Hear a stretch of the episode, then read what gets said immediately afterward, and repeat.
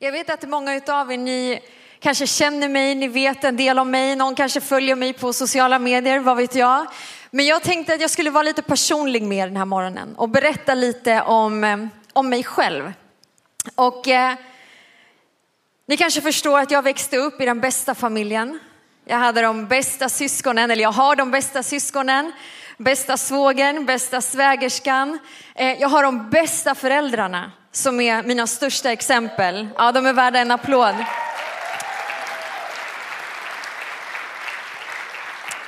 Hela mitt liv så har de visat mig vägen som man ska gå på.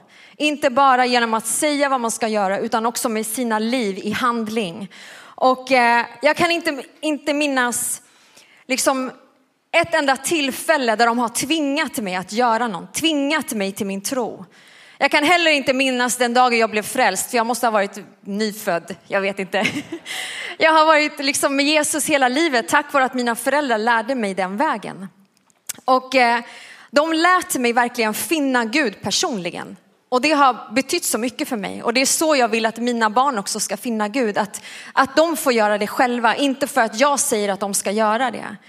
Men trots att, att liksom jag själv har fått finna Gud så har jag aldrig vid en enda sekund tvekat när det kommer till min tro på Gud. Jag har aldrig tvekat på att Gud är den rätta vägen. När jag var tonåring, jag gick på kristna skolan och jag hade otroligt många starka gudsmöten när jag gick på skolan. Med min klass på olika klassresor och chapel som vi hade. Och jag tar med mig de här stunderna alltså för resten av mitt liv. För det var där jag verkligen fick se vem Gud var. Men vi vet ju alla att bara för att man växer upp i en kristen familj så är inte det en garanti för att man väljer att leva ett starkt kristet liv, eller hur? Utan det kommer upp till var och en, liksom den dagen vi blir vuxna, den dagen vi lämnar våra hem, så är det upp till oss, hur vill jag leva mitt liv? Vem är Gud för mig? Hur ska min relation med Gud se ut? Och när jag gifte mig, jag var bara 18 år gammal, jag har liksom varit gift större delen av mitt liv idag. Men när jag gifte mig och vi började vårt liv tillsammans så självklart, det kristna livet var, det var en självklarhet för oss. Men jag skulle säga att vi kanske levde ett klassiskt standardkristet liv. Jag hade inga problem att berätta för någon att jag var kristen. Jag gick till kyrkan, jag var engagerad i lovsången, jag var engagerad i kaféet, jag gjorde en massa olika saker. Jag var aktiv på gudstjänsterna och jag liksom läste Bibeln. Jag gjorde allt det här som man förväntas göra som en kristen. Men det var liksom allt. Jag kan inte komma ihåg att jag bjöd med mig någon till kyrkan som tog emot Jesus eller att jag liksom levde det här aktiva kristna livet där jag faktiskt delade min, min tro med andra människor och som fick andra människor att finna Gud. Men trots att det, liksom, det var så jag levde så älskade jag Gud. Jag ville följa Jesus. Det var ingen tvekan om att det här var det livet jag hade valt att leva. Och hela mitt liv så har jag hört mina föräldrar säga att, att du är kallad av Gud, att vår familj är kallad av Gud. Och, och jag kanske liksom, jag, jag visste ju att Gud hade kallat mig men jag kanske inte förstod vad det innebar för mig personligen. Och vad, vad Gud verkligen ville med mitt liv. Men 2003 så åkte mina föräldrar till Colombia. Och eh, vid det här tillfället så hade de en stor G12-konferens i församlingen MCI och de kom hem tillbaka hit. De åkte dit med pastor Bror och hans fru. När de kom tillbaka så hade de en DVD. Hur många här vet vad en DVD är? Några stycken. De hade med sig en DVD där vi kunde se de här mötena.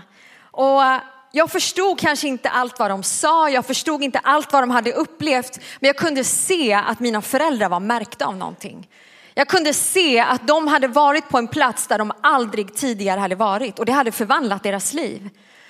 Och även om jag inte förstod allting, jag minns att, att jag och min man, vi satt i bilen på väg hem och vi åkte på Centralbron. Jag, jag minns specifikt det tillfället och jag sa så här, det spelar ingen roll vad det här är, jag vill ha det här. Jag vet inte vad det här är, jag vet inte vad det innebär för mig, men jag vill ha det som jag precis har sett. Jag vill, jag vill också bli märkt med någonting, precis som mina föräldrar. Och jag vet att, att det tillfället, även om jag inte förstod allt, så var det någonting som hände i mitt hjärta. Och sakta men säkert efter deras resa så började vi med G12-visionen här i församlingen. Och jag gick på min första encounter, några av dem som jag var på encounter med sitter här idag. Och eh, det var någonting som jag aldrig hade upplevt tidigare. Fast att jag hade varit frälst hela mitt liv. Liksom. Jag har inte ens en frälsningsupplevelse för så frälst var jag liksom, från födseln. Alltså jag hade aldrig varit på någonting som en encounter. Det var en sån total, eh, så totalt helande, förkrosselse, upprättelse. Jag fick ett möte med korset, jag fick ett möte med Jesus. Och efter det så startade jag min första wow-grupp. Jag hade precis blivit mamma till mitt första lilla barn som inte är någon bebis längre utan stod här i kören med keps på sig igår. Det var min lilla bebis när jag startade min första wow-grupp. Och jag frågade min bästa kompis som sitter här, jag sa så här, vill du vara med i min wow-grupp? Och hon bara, självklart! Och vi fattade ingenting vad vi skulle göra. Men vi tog våra nyfödda bebisar och vi gick med våra barnvagnar och helt plötsligt så började vi möta människor på bussen, i lekparken, på någon promenad och vi började bjuda in de här människorna till vår wow-grupp. Vi hade så konstiga människor i vår wow-grupp. Ni kan inte ens ana vad som hände där. Men någonting hade hänt i mitt hjärta. Någonting hade hänt i mitt liv. Det här, det här liksom nya sättet att leva, det började revolutionera mitt sätt att tänka. Det började förändra mitt sätt att agera. Jag började se människor omkring mig med nya ögon. Jag började sträcka mig ut till människor på ett sätt som jag aldrig hade gjort tidigare. Och den här wow-gruppen började fyllas med människor och från att inte ens ha bjudit med mig någon till kyrkan så började jag be med människor till frälsning i mitt hem. Allting förändrades i mitt liv genom de här situationerna. Jag hade aldrig upplevt någonting sånt här tidigare.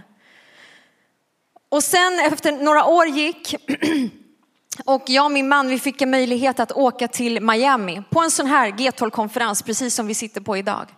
Och eh, det var pastor Cesar som talade och hans barn och det var otroligt starkt. Men det var ett specifikt tillfälle, jag vill minnas att det var kanske var det sista mötet.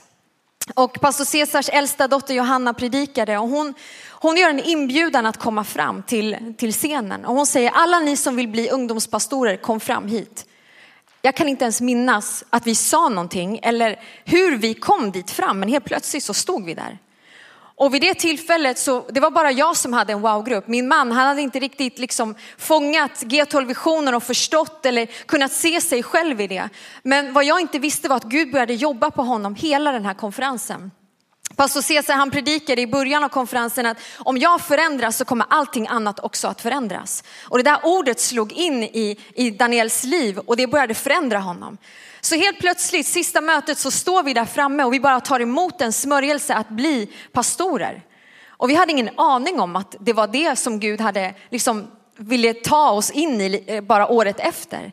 Så Gud började verka på våra liv, men det där var verkligen ett tillfälle där Gud tog oss från en plats till en annan. Men han hade redan börjat jobba på mitt liv innan.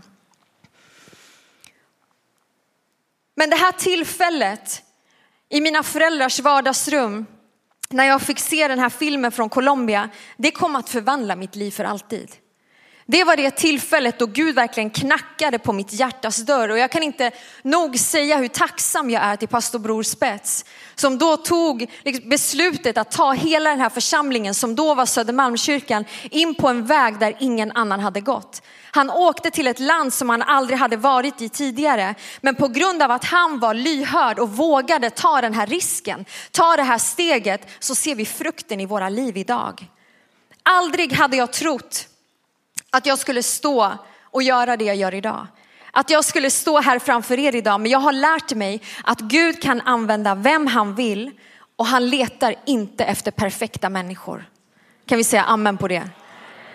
Han letar efter människor som har överlåtna hjärtan, som vill tjäna honom helhjärtat, ge sina liv till honom. Det är det enda han vill ha. Han vill ha ditt ja, precis som vi sjöng här alldeles nyss. Amen. Så idag vill jag dela ett ord som Gud har lagt på mitt hjärta. Och vi ska läsa från Matteus kapitel 22 och vers 1.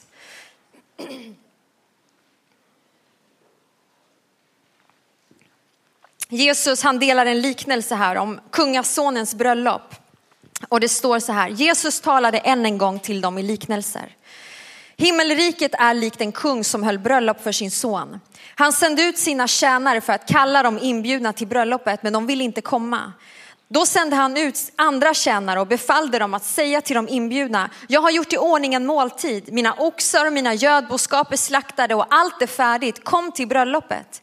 Men de brydde sig inte om det utan gick sin väg. En till sitt jordbruk, en annan till sina affärer. De andra grep hans tjänare och misshandlade och dödade dem. Då blev kungen vred och skickade ut sina trupper och lät döda mördarna och brände ner deras stad. Sen sa han till sina tjänare, allt är klart för bröllopet, men de inbjudna var inte värdiga. Gå därför till vägskälen och bjud in till bröllopet alla som ni träffar på. Tjänarna gick då ut på vägarna och samlade alla de mötte, både onda och goda, och bröllopssalen fylldes med gäster. När kungen kom in för att se sina gäster lade han märke till en man som inte var klädd i bröllopskläder. Han sa till honom, min vän, hur har du kommit in utan bröllopskläder? Mannen teg. Då sa kungen till tjänarna, bind honom till händer och fötter och kasta ut honom i mörkret här utanför. Där ska man gråta och skära tänder. Ty många är kallade, men få är utvalda. Amen. Jesus han berättar den här historien om en man vars son ska gifta sig, en kung vars son ska gifta sig. Han skickar ut flera bröllopsinbjudningar. Vid den här tiden så, eh, på Jesu tid så skickade man oftast ut tre inbjudningar till ett bröllop. Men på den här stora dagen när allting skulle hända så var det inga gäster som dök upp. Och när kungen skickade ut sina tjänare för att ta reda på vad som hade hänt med de här inbjudna gästerna, varför de inte var, ville komma, så visade det sig att de ville helt enkelt inte. De hade andra saker för sig, de var upptagna med, med privata angelägenheter och de var mer måna om att göra sin egen grej och behandlade till och med den här inbjudan med rent förakt. Han skickade ut de här tjänarna igen, han blev rasande och han sa nu, den här gången ska ni bjuda in alla ni ser på gatan till det här bröllopet. Alla som vill komma och sen så var det här bröllopet fullt av gäster. Och i slutet så säger Jesus, många är kallade men få är utvalda. Och vad vill Jesus säga till oss genom den här berättelsen? Han vill säga till oss att vi har alla fått en kallelse. Vi har alla fått en inbjudan att vara delaktiga i Guds rike och i alla de fantastiska planer som han har för våra liv. Men det jag vill fokusera på, det är inte just den här inbjudan idag, utan det är att många är kallade, men få är utvalda. Vad innebär det att vara kallad? När vi läser Bibeln så kan vi se att ordet kalla det finns i massa olika sammanhang, i, i, liksom olika, i, i olika situationer. Men i det här fallet så använder Jesus ordet kallad som en inbjudan. Vi har alla fått en inbjudan av Jesus. Vi har fått en inbjudan till att vara en lärjunge till honom. Till att gå i hans fotspår, till att leva ett liv som är mer än att leva bara för oss själva. Han inbjuder oss till att leva ett liv tillsammans med honom. Och inte bara leva ett liv tillsammans med honom utan också slutligen tillbringa evigheten med honom. Det är dit han vill ta oss, det är det som är slutmålet. Men att bli inbjuden är inte samma sak som att bli utvald. Att få tillfället är inte samma sak som att ta tillfället. Du är inte automatiskt med utan Gud behöver ditt ja. Han behöver ditt hjärta. Det är där du blir utvald. Och den här kallelsen som Gud ger oss, den här inbjudan, den läggs ner i varje människas hjärta. En person som får chansen att höra evangelium och sen ta beslutet om att bli en lärjunge eller inte, det är en person som blir kallad och sen behöver ta ett beslut. När Jesus kallade sina första lärjungar så gick han fram till dem och han sa följ mig. Men bara för att han, han kallade dem, han inbjöd dem att följa honom så betydde det inte att de blev utvalda. Utan det var när de lämnade allt och följde honom som de blev de utvalda. Deras omedelbara respons, trots att de inte hade en aning om vad det här skulle innebära, vad det skulle innebära att följa Jesus, det förändrade historien för all framtid. De lämnade sina karriärer, de lämnade sina drömmar, de lämnade sina planer, till och med sina familjer för att gå på den här kallelsen som Jesus gav till dem. När, när Jesus sen i Matteus 28 och 19 sänder ut sina lärjungar, han ger dem uppdraget att predika evangelium och göra alla folk till lärjungar, så fick alla som lyssnade till lärjungarna samma inbjudan. Alla fick höra samma sak, alla fick samma kallelse, men trots att de fick samma kallelse så var det upp till varje person att gensvara på den kallelsen. att gensvara på den inbjudan. Så vad Jesus gör i den här liknelsen, han gör skillnad på att vara kallad och att vara utvald. För att bli utvald behöver du acceptera den här inbjudan. Du behöver säga ditt ja. Du behöver komma när han kallar. Du behöver göra det som är nödvändigt för att du ska kunna kliva in i den planen som han har för ditt liv och för din framtid. I Lukas 9 och 23 så säger Jesus att om någon vill följa mig så ska han förneka sig själv och varje dag ta sitt kors och följa mig. Den som vill rädda sitt liv ska mista det, men den som mister det för min skull, han ska rädda det. Så i den här kallelsen som Gud ger oss, i den här inbjudan så ber han oss att ge upp allt i den här världen. Han ber oss att sen följa honom som en trogen lärjunge, gå i hans fotspår och göra det som han, det som han säger att vi, att vi ska göra. Han kallar oss, men de som är utvalda är de som helhjärtat accepterar och tar emot de här villkoren som följer efter att vara en lärjunge eh, till, till Jesus. Så varför säger då Jesus att många är kallade men få är utvalda? Jag vill tro att alla vi som sitter här idag, vi har accepterat den här inbjudan som Jesus har gett oss, eller hur? Vi har tagit emot honom i våra hjärtan. Han är vår Herre, han är vår frälsare. Men har vi funderat på vad vårt ja innebär? Har vi funderat på om vårt ja verkligen är ett helhjärtat ja? Har vi accepterat den inbjudan och de villkor som Jesus sätter upp för oss när vi ska vara hans lärjungar? Faktum är att det finns människor som säger ja, men som som inte vill betala priset för att bli en lärjunge. De säger ja kanske bara i stunden, men sen kommer utmaningarna, sen kommer prövningarna, sen kommer svårigheterna. Man kanske misslyckas på vägen. Står du fast vid ditt ja? Är du beredd att betala det priset som det innebär? Jesus han sa aldrig till oss att det skulle vara enkelt. Han säger klart och tydligt att det finns ett pris att betala. Det finns ett kors att bära varje dag. Det, det kommer innebära lidande, det kommer innebära svårigheter. Jesus säger i Matteus kapitel 7 att porten är trång och vägen är smal som leder till livet. Därför är det få som väljer den vägen och många som inte ens hittar den. Det finns ett pris att betala i att tacka ja till den här inbjudan som Jesus ger oss. Men vad, vad vår fiende vill är att vi ska bli lurade och tro att det här priset är för högt. Det är för svårt. Det krävs för mycket.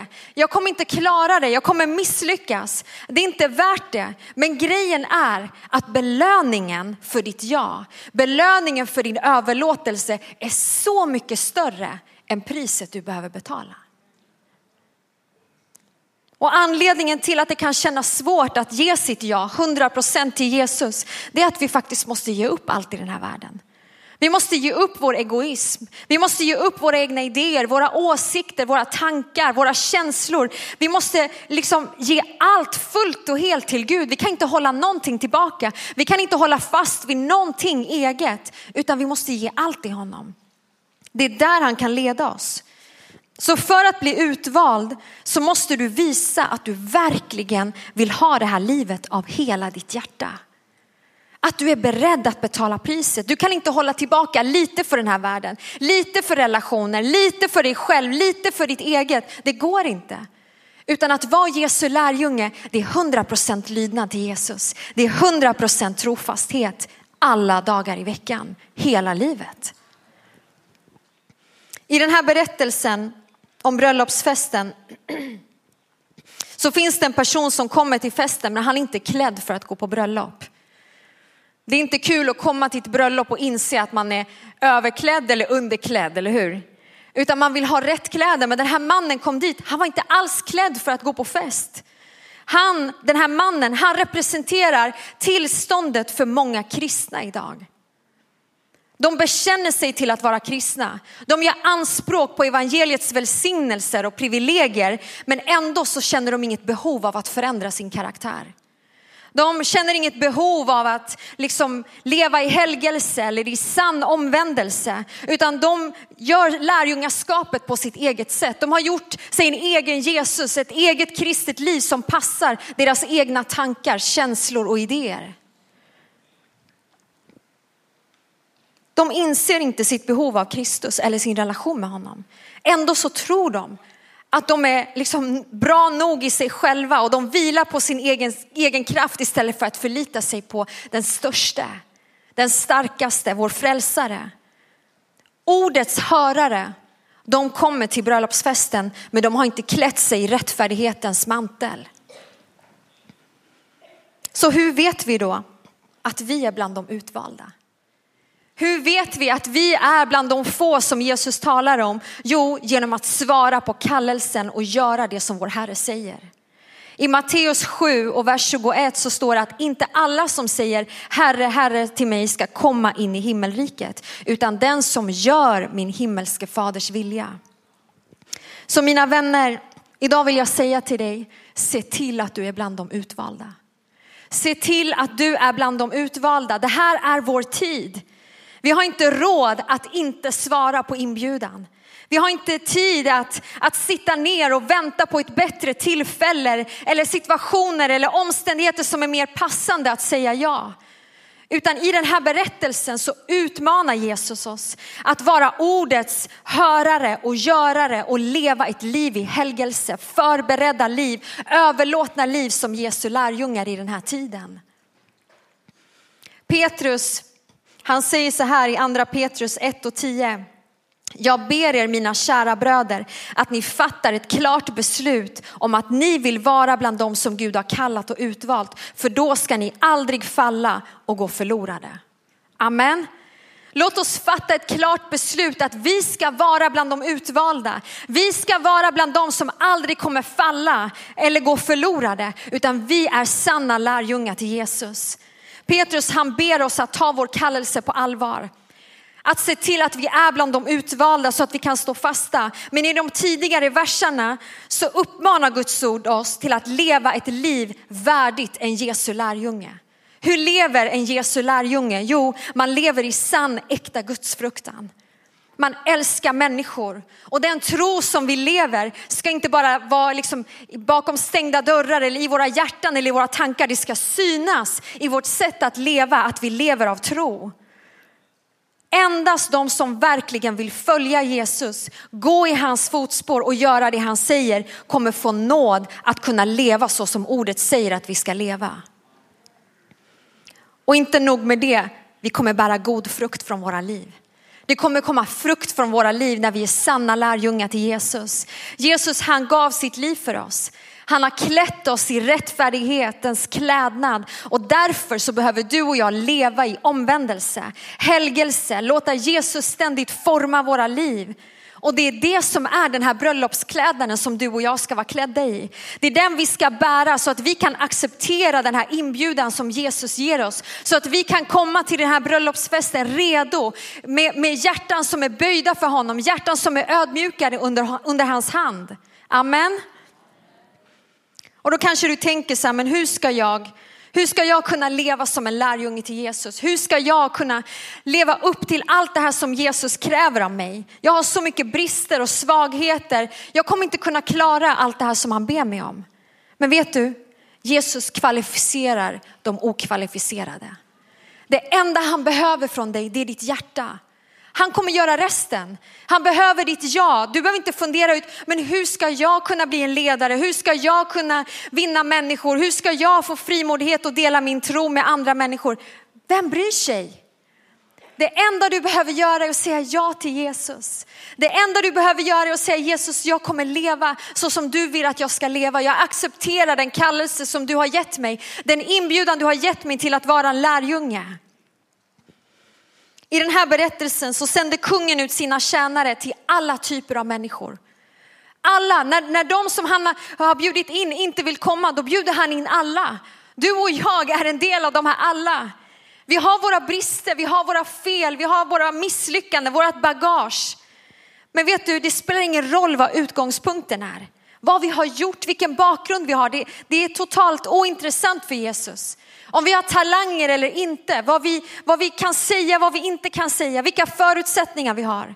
Det som avgör om vi blir utvalda, det som avgör vilken frukt som kommer från våra liv är hur vi gensvarar på den inbjudan som Gud kallar oss till.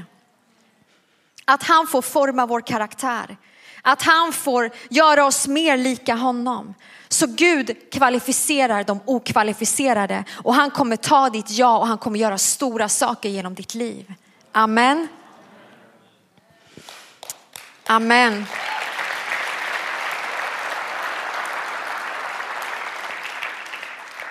I första Korinthierbrevet kapitel 1 och vers 26, det här ordet det är för oss. Det står så här, bröder och systrar, se på er egen kallelse. Inte många av er var visa om man ser till det yttre.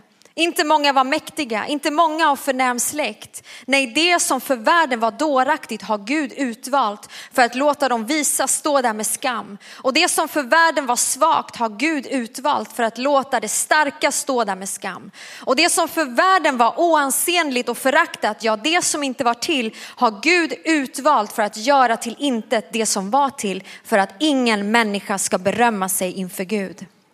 Amen. Gud har utvalt oss. Men du och jag, vi måste ge vårat ja. Han har kallat oss med en helig kallelse.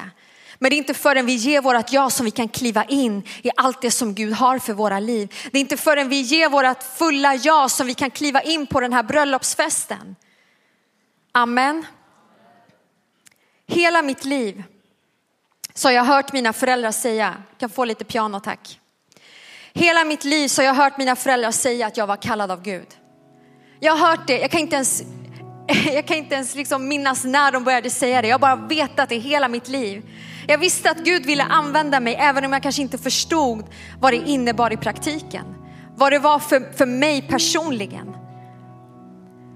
Men nu förstår jag att den kallelsen som de talade om, det var en inbjudan från Jesus. Det var en inbjudan från Jesus för mig att ta beslutet att leva 100% för honom. Att ge honom allt. Att ställa mitt liv till förfogande för honom. Att inte bara säga att jag var redo med mina ord utan också i handling med mitt liv. Han kunde inte göra någonting genom mig utan mitt ja. Alltså Gud har gett oss en fri vilja. Han kommer aldrig tvinga dig att bli en wow-ledare om du inte vill det. Men om du vill bli använd av Gud så behöver du ge honom ditt ja och sen måste du överlämna allt till honom. Att han får göra det han vill med ditt liv. Men den inbjudan som Jesus gav mig, den kallelsen, den blev verklig för mig den dagen när jag satt där i mina föräldrars vardagsrum. Jag såg hur de grät av förkrosselse över det de hade fått uppleva i Colombia. När de berättade om väckelsen som de hade fått se med sina egna ögon, det var där Jesus knackade på mitt hjärtas dörr. Det var den där första inbjudan som Jesus gav mig. Följ mig. Följ mig. När jag gick på den där encountern, när jag startade min wow-grupp, jag hade ingen aning om vad det skulle innebära. Jag hade ingen aning om hur det skulle förändra mitt liv. Jag hade ingen aning om vad det skulle innebära att börja leda människor närmare Jesus. Alla utmaningar som kommer med det. Men jag fick ta ett beslut. Och i det här beslutet så ser jag att till och med mina tre barn som inte ens existerade, det där tillfället när jag fick, när jag fick se liksom det mina föräldrar hade fått uppleva, de fanns inte till men idag lever de i det beslutet jag tog. Idag ser jag att det har välsignat min familj. Det välsignade min man, det välsignade mitt äktenskap. Det har rest upp oss till en familj som vill tjäna Gud tillsammans.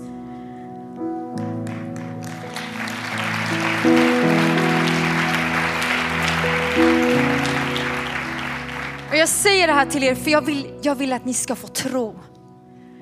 Jag vill att ni ska få tro för vad ett beslut kan göra med din familj. Ditt beslut, precis som pastor Cesar sa i den där predikan i Miami, liksom 2000, jag kommer inte ens ihåg när det var. 2007 kanske det var, eller 2008. Om du förändras så kommer allting annat också att förändras.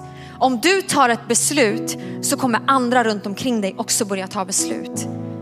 Jag har inte allt som krävs. Jag var absolut inte en kvalificerad person när jag sa mitt ja till Jesus. Jag är inte kvalificerad idag heller. Jag är ingen speciell person, jag har inga speciella egenskaper. Jag dör från mig själv. Varje gång jag ska gå upp hit så dör jag från mig själv. För jag vet att jag är ingenting i mig själv. Ingenting. Jag är inte ens värdig att stå här. Men jag har sagt mitt ja. Jag har sagt mitt ja till Jesus. Jag bestämde mig för att ge allt, för att ge upp allt mitt eget. Och har det varit smärtsamt? Absolut. Har det varit svårt? Jag kan inte nog säga hur svårt det har varit. Har du velat ge upp? 100 procent. Många gånger. Men har det varit värt det? Alla gånger. Jag skulle ta samma beslut idag, imorgon, varje dag, resten av mitt liv. För jag vet att belöningen och välsignelsen är större. Att se mina barn gå med Gud idag är den största välsignelsen. Om det är så är det enda resultatet av att säga ja till Jesus så är det värt det. Varför kan jag betala priset? Det är för att Jesus betalade det största priset för mig. Jag har bestämt mig för att missionsbefallningen som inte har någonting med G12 att göra, det är en befallning från Jesus. Missionsbefallningen, det är inte en del av alla mina måsten. Det ska vara en del av mitt liv. Allting annat är måsten jag måste göra, men, men att leva för Jesus, att vinna människor, att göra lärjungar, det är mitt liv. Det är det jag andas, det är det jag vill leva, det är det jag vill göra resten av mitt liv. Och är jag klar nu? Är jag klar nu? Tillhör jag de utvalda? Absolut inte. För varje dag måste jag ge mitt ja till Jesus. Varje dag måste jag låta Gud forma mig. Varje dag måste Gud förkrossa mig. Varje dag måste jag komma till korset. Varje dag måste jag helga mig, arbeta på min karaktär. Jag måste klä mig i rättfärdighetens klädnad varje dag. För att leva värdig min kallelse. För att en dag stå redo inför kungen. Och jag vet att idag så har mitt beslut genererat i att andra människor tar beslut. Idag har jag fantastiska ledare i mitt team som har egna team som ser generationer efter generationer människor bli upprättade, helade, välsignade, uppresta till ledare, sanna lärjungar. Alltså jag hade aldrig kunnat drömma om att jag skulle få se det genom mitt liv. Gud har så mycket för oss och det här är vår tid. Vill vi vara som de här människorna som var upptagna med sina affärer, som var upptagna med, med att gå till sin åker och vi kan ha massa olika ursäkter för att inte göra det som Gud har kallat oss att göra.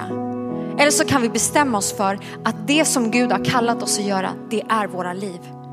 Att arbeta, att tjäna pengar, det gör vi för att ha någonstans att bo och köpa mat och ha någonting att klä oss med. Men våra liv, det är att leva för Jesus.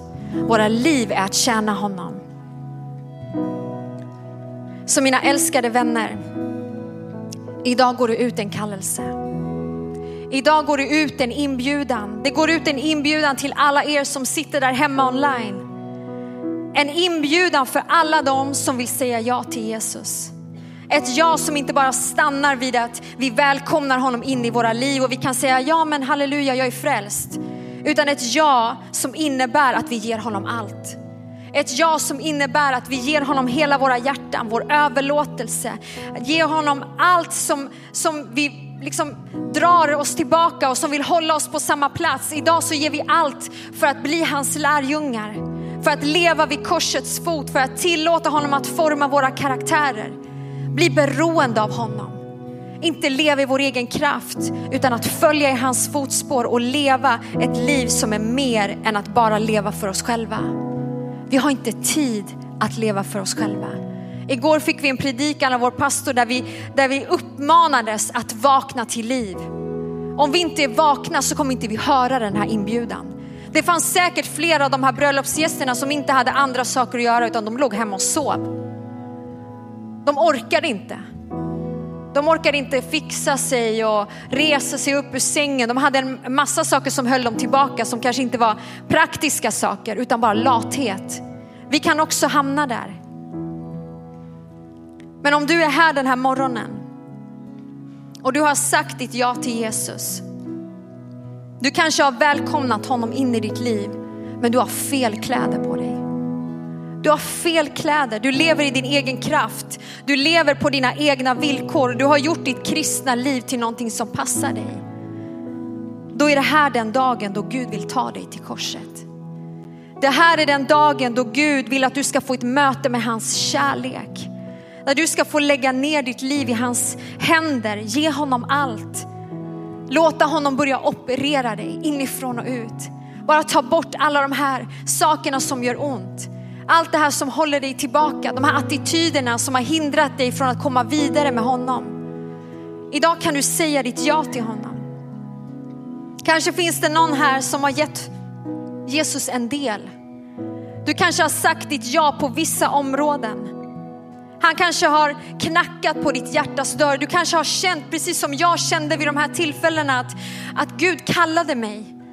Att Gud inbjöd mig att ta ett steg längre fram, ta ett steg närmare det som han har för mig. Kanske har du känt att, att du har velat hålla den här dörren stängd av olika anledningar. Du kanske inte har känt att du har varit kvalificerad nog. Du kanske har haft misslyckanden tidigare och du har inte vågat öppna den här dörren för Jesus för du är rädd för att misslyckas igen. Men idag går ut en kallelse till dig.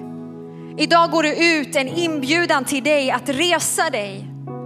Att säga ditt ja en gång för alla, att inta din plats, att göra dig redo, att ge allt, att klä dig redo för att kliva in i hans rike och leva i den planen som han har för ditt liv.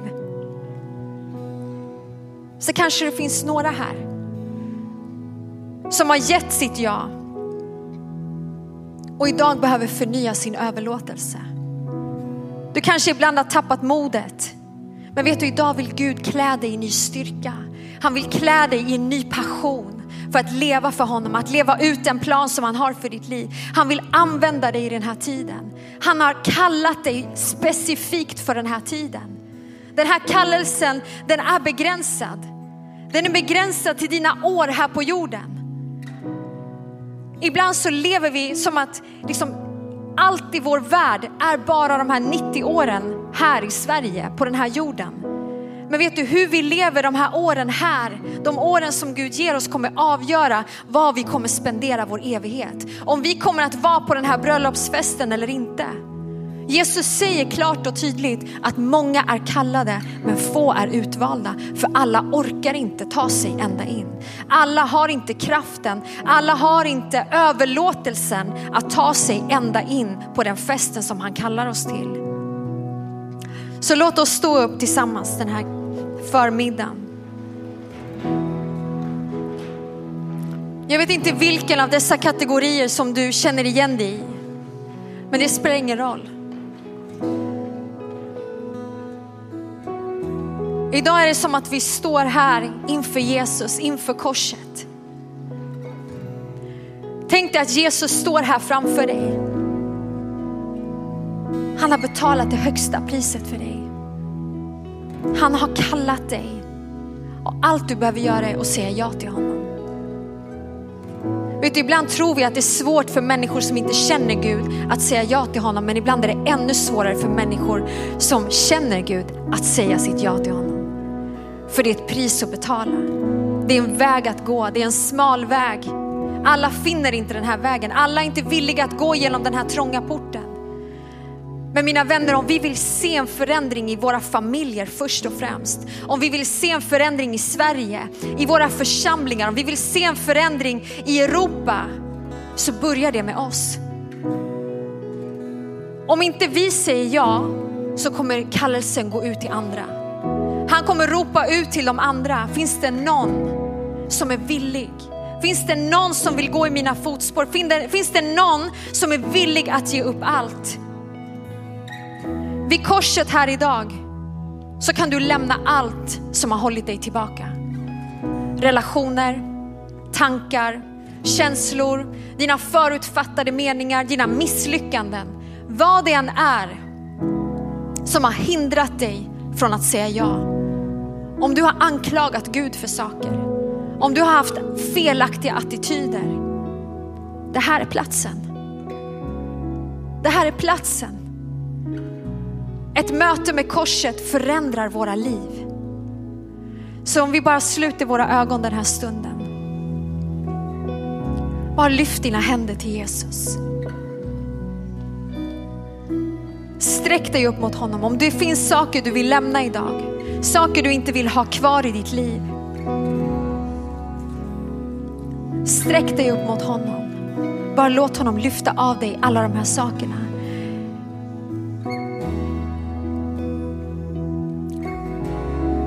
Tack Jesus. Tack Jesus. Tack Jesus. Att idag står vi på helig mark Fader. Idag står vi på helig mark Jesus. Fader jag tackar dig att du ser varje hand som har lyfts den här stunden. Du ser varje, varje tanke, varje känsla, varje sak som har hindrat, hindrat människor från att komma till dig Jesus. Hindrat människor från att ge sitt ja. Hindrat människor från att verkligen gensvara på den kallelse som du har skickat ut mot våra liv. Fader jag tackar dig att idag så bara tar du emot alla dessa saker. Idag lägger vi dem vid ditt kors Jesus. Idag lämnar vi allt vi lämnar allt för att ge dig allt Jesus. Vi lämnar allt i den här världen. Vi lämnar allt som har hållit oss tillbaka. Fader, jag tackar dig. Idag helar du människors hjärtan. Idag helar du människors hjärtan från sår. Tidigare misslyckanden Fader, misslyckanden i ledarskap, misslyckanden där de har kanske gått på en väg och inte klarat av det Fader. Jag tackar dig att idag upprättar du människor Fader. Jesus jag tackar dig att idag kvalificerar du oss trots att vi är okvalificerade. Helige Ande, jag bara ber att du ska röra vid varje person i det här rummet.